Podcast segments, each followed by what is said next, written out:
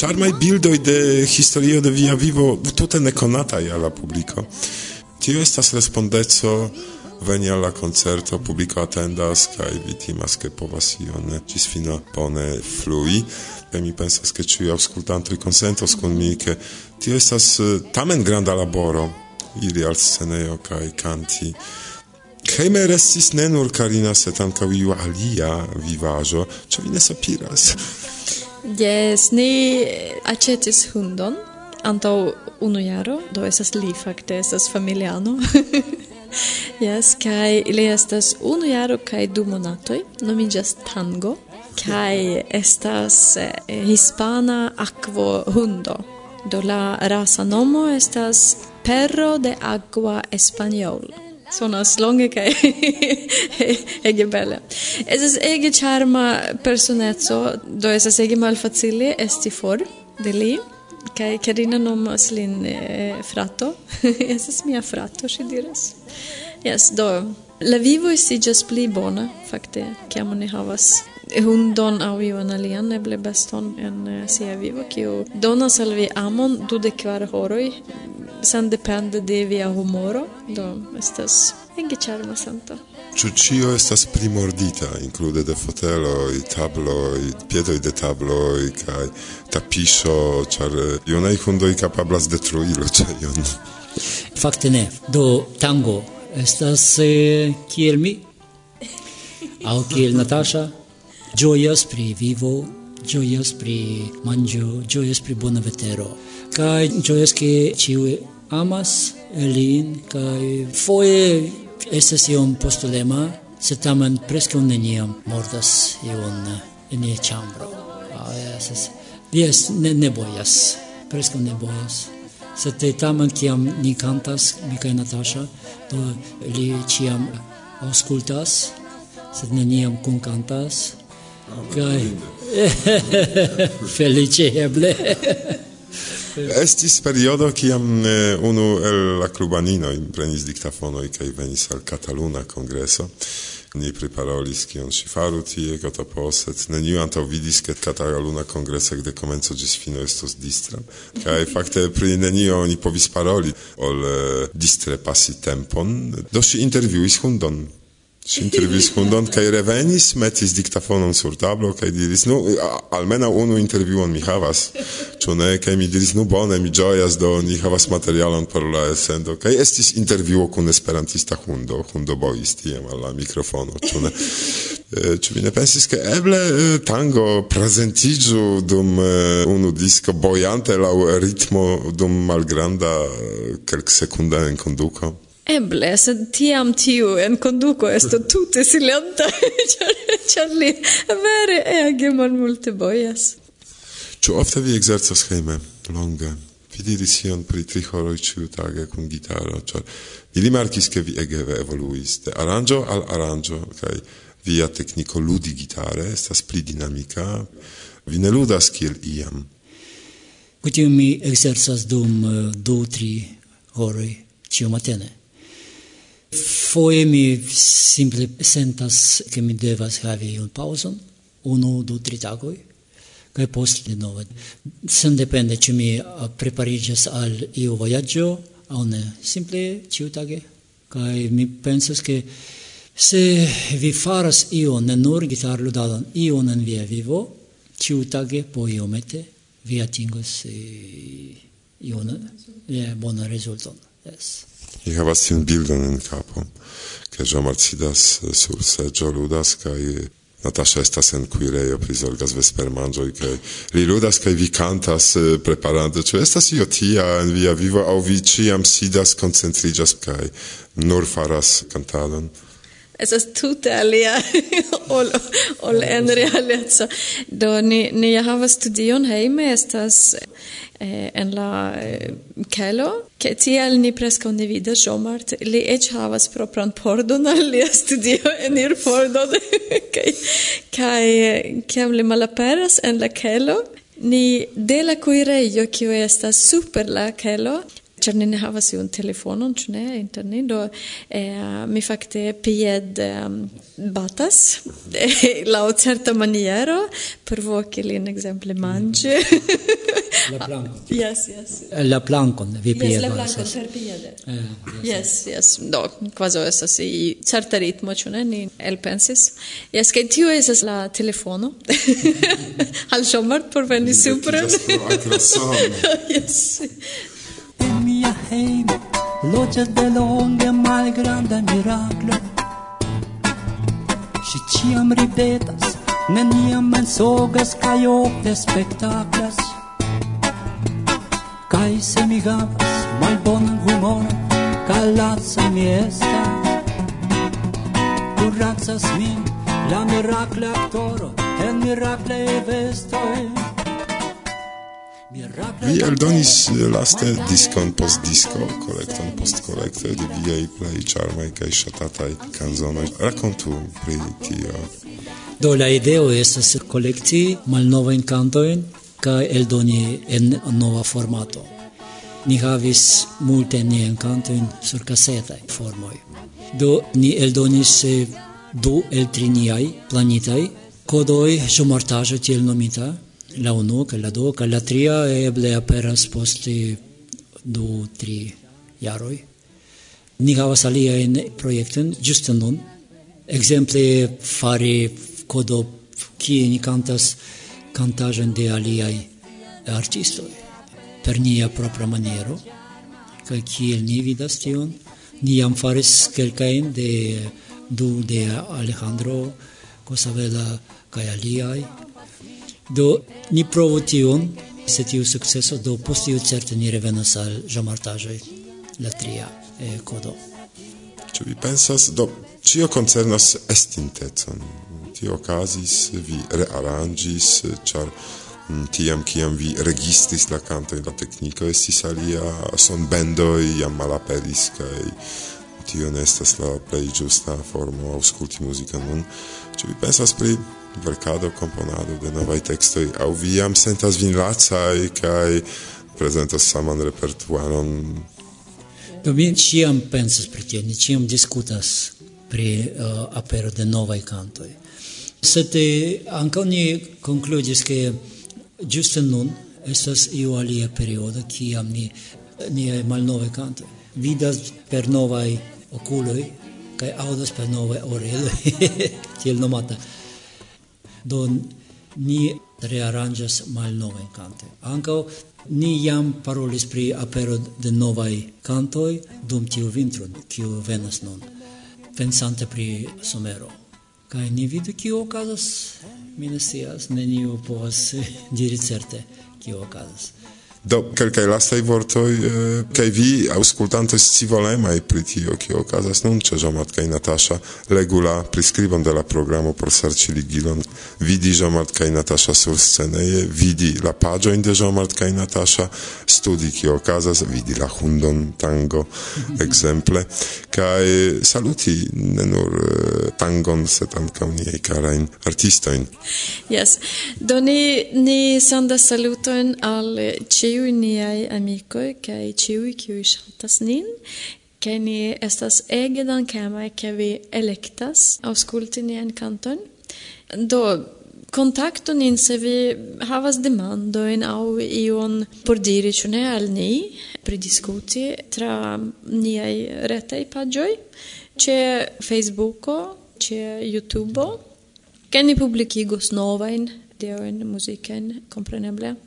Kaj eh, ni simple volas ke til kill ni ne inter somero al somero travivas nian eh, kutiman vivon. Eble ankaŭ vi faras tion do sed dum tiu tempo ni havas interreton kaj til povos komuniki ĉu ne? Kio ni povas vidi tangon? Do ankaŭ ĉe Facebooka paĝo kompreneble. Do mi salutas ciuin ciun nian amicoin, geamicoin, mal novain, cae novain, cae eble ec estontain. Cae shatus diri, almeno ni pensas pri vi ciam. Se vi pensas pri ni, au pensos, do ni estu tre felice. Ni rencontigios certe con vi, do revido ie iam en nia charma varma esperantujo. Mi ne kuraĝas tion peki, pli bonon de destino peti, ĉar multon ja donacas ĝi. Mia destin capricca damo mi vin ne trompis en jamo, do amo mi, dum vivas mi. Dum restas forte en la braco, por levi glason da konjako en mia bona kompanio. Al vi vojaĝas mi pilgrima, al vi mi preĝas prozerime, domo mi dum vivas mi, domo min. Jasmin Nam umindum vivam smir La gioia de cantat senza orga Finigas morga o post morga Quasi fantoma illusi Al mia voce sur casse vi gapos pri grecaio sede domo min Dum divas mi. O oh, mia signorina linda Kunigis nin okazo blinda. Ĉu la komprenon donos di Che foie flugos ni fantome Seneble kun korpe gome Amo min, domo min Dum vivas mi. Domo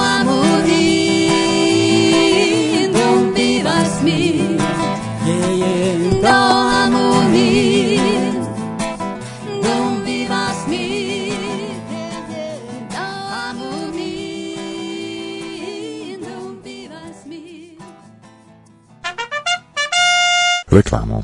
Venu esperantistoi, venu tui al ni, al tiu xerangio che invitas vin. Venu al campadello du fratino che pinar, vi juos che tuta micar Jan por la tria foio, Quero du mildec bar, jen via blexo visiti Cubon, la eta cae verda insulo. Quero 2014. Saluton al ciui esperantistoi en la mondo. Mi estas Eomar el Cubo, kai mi invitas vin veni ci tie por partopreni nian rencontiĝon por ĝui bonegan etoson. Ekde la dekdua kaj ĝis la deksesa de marto en la okcidenta provinco Pinar del Río, esperantistoj en la mond. Tuj ek.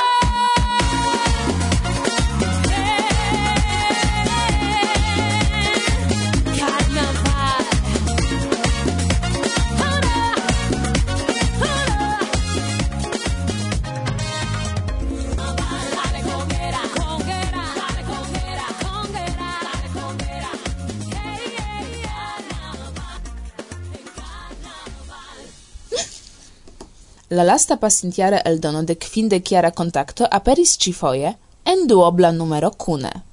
En tute tridek ses paĝoj granda contacto, dica. Granda. Sed ciu interesa dependas de gusto? No, se vi ne gustumos, vi ne stios.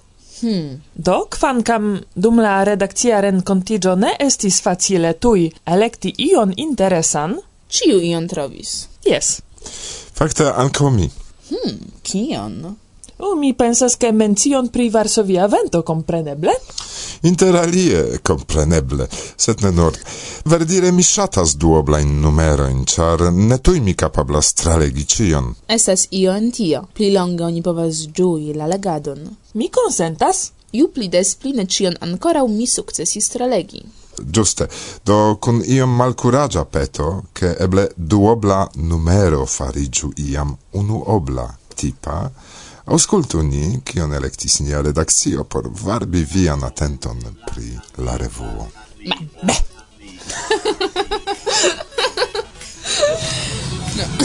no.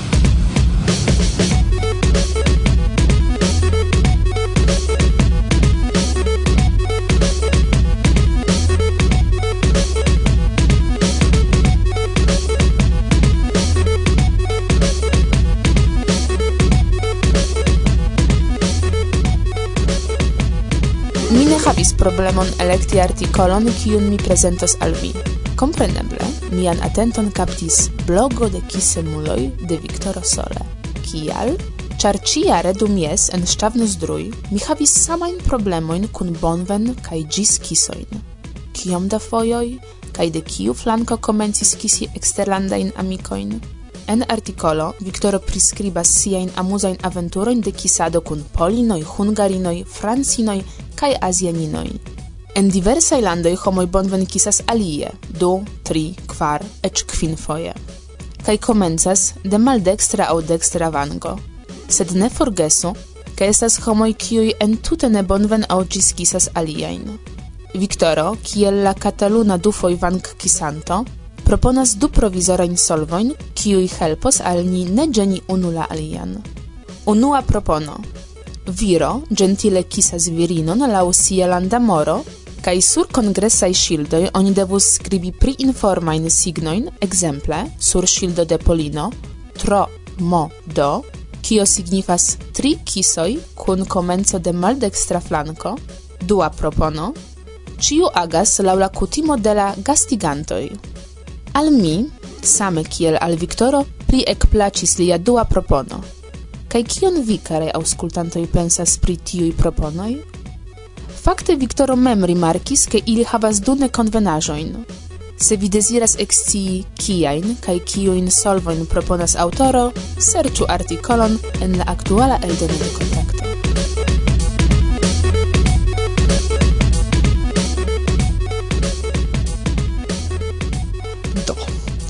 legante cimonatan numeron de contacto, mi havis tian impreson ke preskaŭ duono da artikoloj temas pri amo.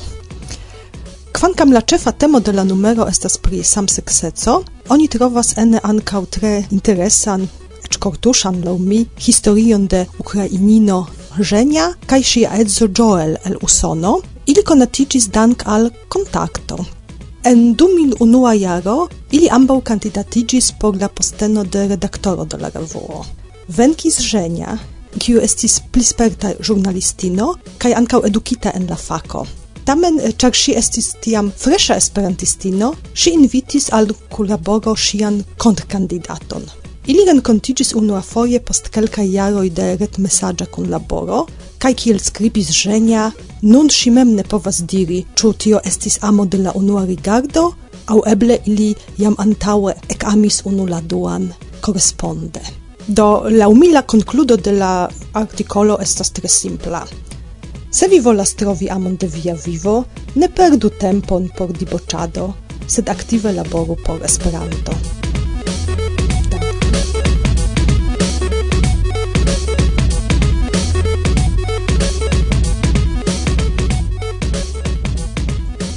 Kaj mian atenton kaptis artikolo La ribelo de Stonewall, kiu estas skribita de Paweł Fischer-Kotowski el Pollando.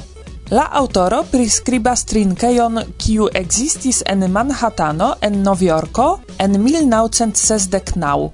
Gia celgrupo estis samseksemuloj, transvestuloj, transseksuloj, kiuj tiu tempe vivis rande de la socio. Ribelo komenciĝis, kiam policistoj en iris trinkejon, legitimigis homoin kiel kutime kai permesis el iri po unu ope. Tamen homoi ne disigis, sed attentis sur strate. Homa maso pli kai pli grandigis. Post momento ec igis tumulto kai batalo kun polico. Homoi kriis ni volas liberecon kai geia forto. Dum sekvaj tagoj situacio ripetadis homoi amas grupigis kai postulis respekton por ilia digno. Mi citu fragmenton. La ribelo de Stonewall estas considerata kiel la comenzo de la usona kaj tutmonda movadoj por la gejaj rajtoj. Krom historion de Stonewall, artikolo priskribas generale sexajn minoritatojn kaj koncernan al ili nunan politikon en mondo. Mi pensas ke artikolo estos valora por malfermaj homoj, kiu interesiĝas pri temoj pri seksaj minoritatoj. Ankaŭ eme legos artikolon homoj por kiuj lasta rusa leĝo malpermesanta propagandon de netradiciaj seksaj rilatoj ne estas nesignifa. Legu pli se vi interesiĝas pri tiu temo.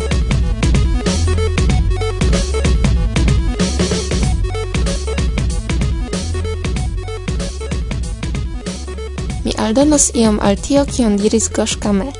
La sekva artikolo estas ĝuste ligita kun la priparolita antaŭ momento temo. La artikolo titoliĝas La glac-situacio kaj rakontas kiel diverse aspektas la movado en la mondo. Ankoraŭ ekzistas landoj eĉ ĝenerale konsideritaj evoluitaj, kie leĝo ne preventas diskriminacion de ne. Oni priskribas la situacion en Usono, Italio, Brazilo, Ukrainio kaj Ruslando. Aldone oni alproximigos al vi ankaŭ kelkajn fenomenojn de tiu medio, ekzemple ilian sekretan lingvon. La ceteron vi ekscios legante la tutan artikolon, do se kaptis vian atenton prezentitaj hodiaŭ elektitaj artikoloj de kontakto, simple klopodu ĝin akiri aŭ eĉ aboni. Kial ne? Ekzistas ludo blas, almeno mia aldo Big estas ludo, ĉu komprene blas, almeno mia aldo Big estas ludo, ĉu komprene blas, almeno mia aldo Serĉu vian ekvilibron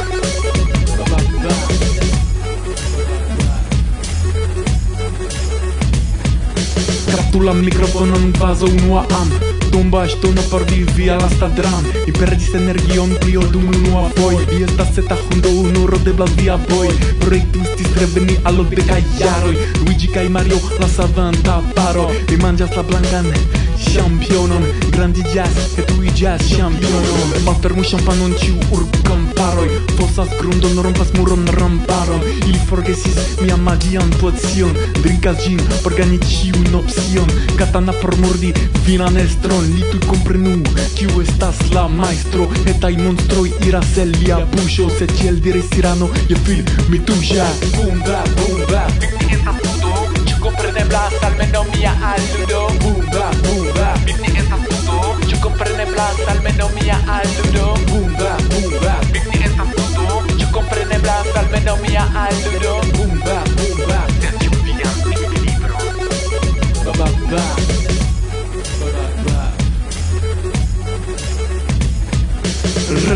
drog hołdo was mi hatigi morgą ci splenigi dosieron de googlo rigardo la stan libron foriri en fumo facile jasni de fascis complizoi elir rapide forre la sen consio demando chi estas vera progreso? E kial do male blus la ciso genera rapper faltado en computile mo eraro estas en nia sistemo inter insultas sin la mon extremisme familiaron di tu katalizilo de la viv. Malambazo gaza tel aviv sed kiel kimo tute ne gravas kiu laste parolas tiu ĉi pravas. Vizaĝ libro la plej ruza diktatoro malnova film kun pli fama aktoro. Boom bap boom bap bim ne estas ludo ĉu kompreneblas almenaŭ mia aludo boom bap boom bap bim ne estas ludo ĉu kompreneblas almenaŭ mia aludo boom bap boom bap bim ne estas ludo ĉu kompreneblas almenaŭ mia aludo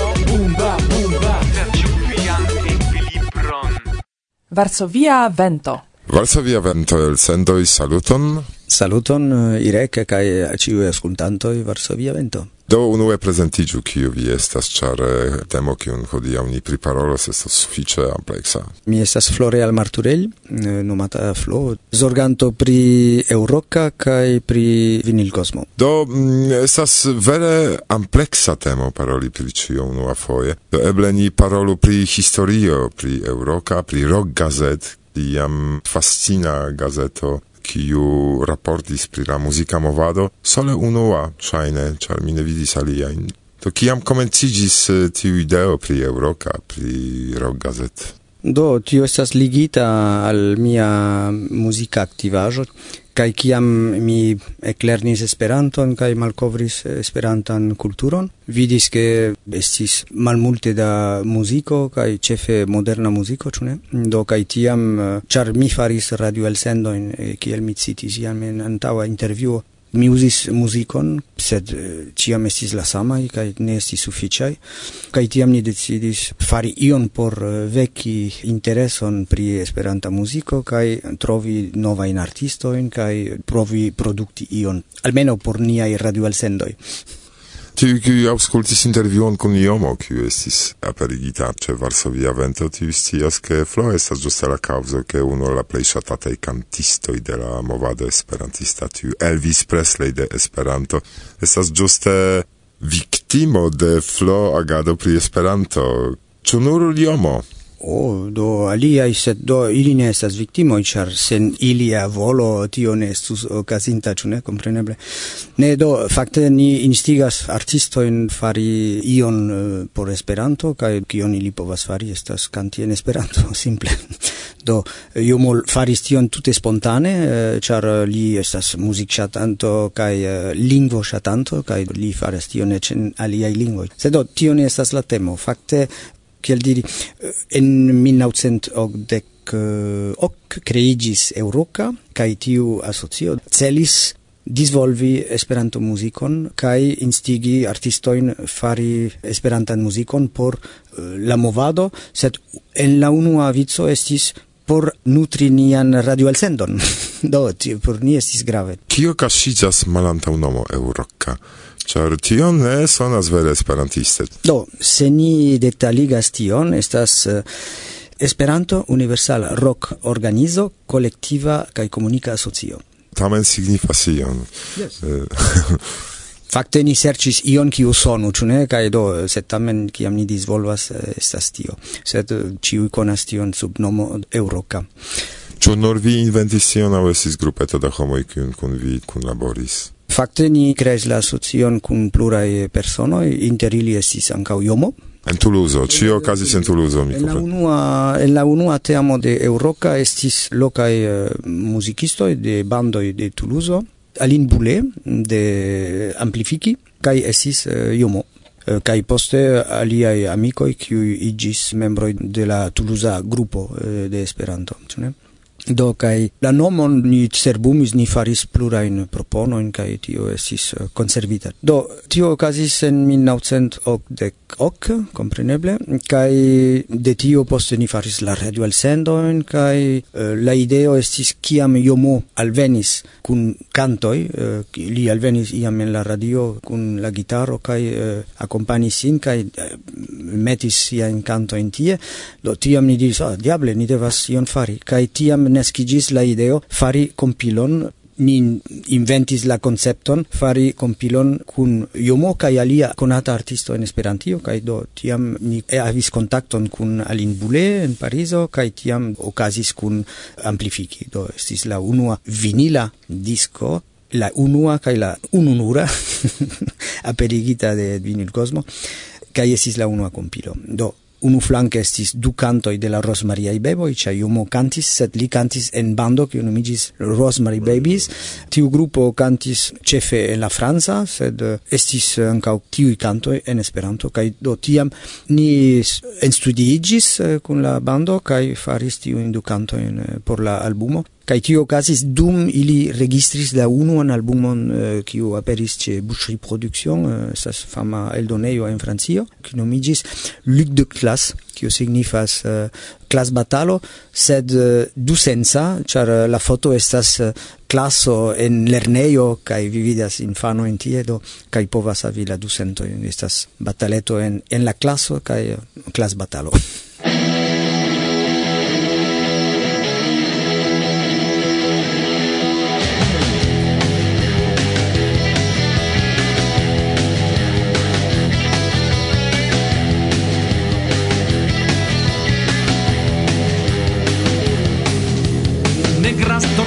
agitan los aires, nubes enormes nos impiden ver, aunque nos espera el dolor y la muerte, contra el enemigo nos llama el deber, el bien más preciado es la libertad, hay que defenderla con fe y valor, alta la bandera revolucionaria, que libre el pueblo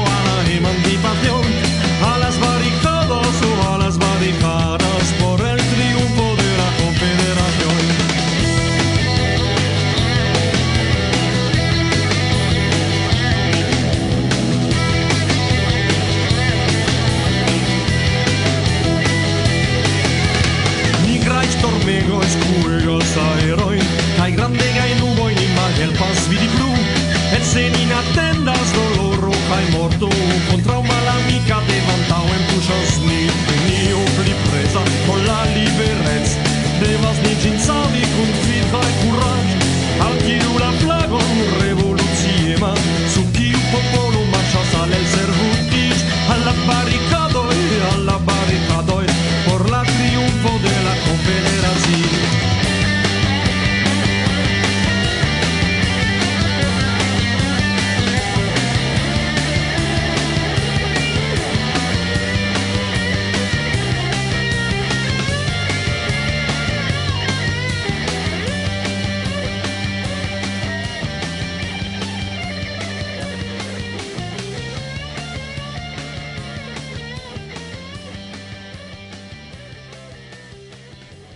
via vento.